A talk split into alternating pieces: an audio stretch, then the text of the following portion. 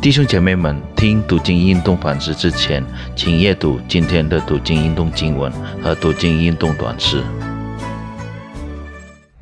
这里弟兄姐妹平安，感谢神再次赐给我们机会，可以学习他的话语。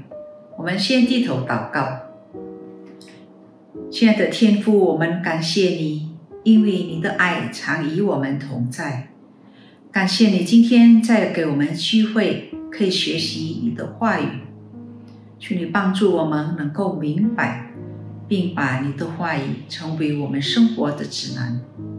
谢谢你，我们将祷告是奉靠耶稣基督的名，阿门。本日领修主题是上帝公义的审判官。经文取自于以西结书。第十九章，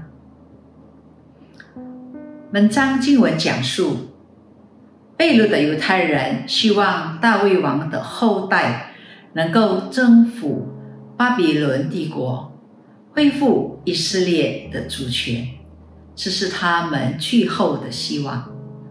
然而，本书最后的预言显示了他们的希望是突然的。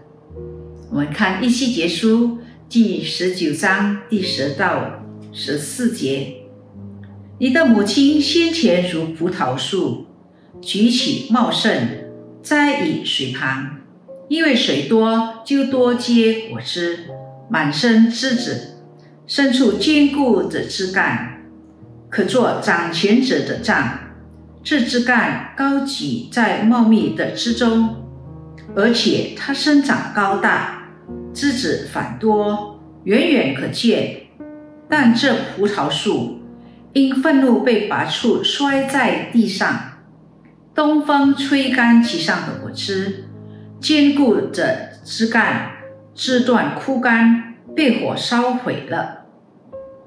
如今在以旷野干旱无水之地，火也从它枝干中发出，烧毁。烧灭果汁，以致没有坚固的枝干，可做掌权者的杖。这是哀歌，也被用以作哀歌。一西结将大卫王朝的形象描述为茂盛的葡萄树。这棵葡萄树结满果汁，满身之子。是因为耶和华赐福他，然后因为他们违背了上帝，又不听从先知们的警告，所以上帝最后惩罚他们，把他们掳到巴比伦去。被掳的人们所能做的，只是哀哭上帝的审判。这类弟兄姐妹。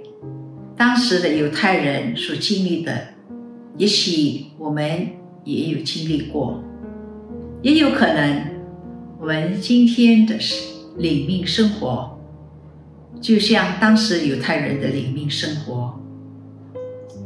当我们生活一帆风顺时，我们经常会忘了，我们所拥有的，我们所享受的一切是来自上帝。我们认为一切都是理所当然的，我们该得的。其实，我们该有的心态是以充满感恩的心来领受从上帝而来的福分。每天读经祷告，在我们日常生活中遵行上帝的话语。或者，您是否总是觉得，因为上帝是爱？所以，我们无论犯了什么罪，做了什么错事，仍然会得到上帝的怜悯呢？当您得罪了上帝时，就要来在上帝跟前祈求饶恕，上帝就必定赦免我们的罪过呢？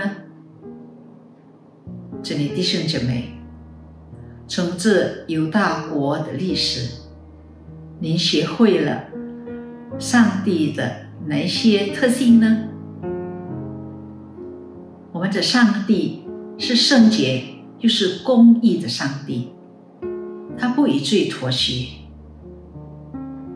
上帝爱我们，他也要我们过着圣洁的生活。因此，当我们不因我们的过错忏悔悔改时，上帝会用各种的方式来管教我们，使我们停止犯罪。请切记，自从我们成为基督徒，我们不再是罪的奴仆了，而是上帝有福的儿女。成为上帝的儿女，无论是对神，或是对人，我们的言行举止都必须讨上帝的喜悦。这里弟兄姐妹们。您是否愿意敬畏那位圣洁又公义的上帝，遵循圣经的真理？恳求圣灵帮助您过着圣洁又有智慧的生活呢？我们低头祷告，天父，我们感谢你再次提醒我们，不要把你所赐给我们的福分。看为是理所当然的，我们该得的。求你帮助我们，能够以充满喜乐、感恩的心态来领受。当你管教我们时，我们要以谦卑、受教、悔改的心态来接受。天父也求你帮助我们，能远离罪恶，过着圣洁有智慧的生活。谢谢你，我们这样祈求祷告，是奉靠耶稣基督的名，阿门。愿神赐福于大家。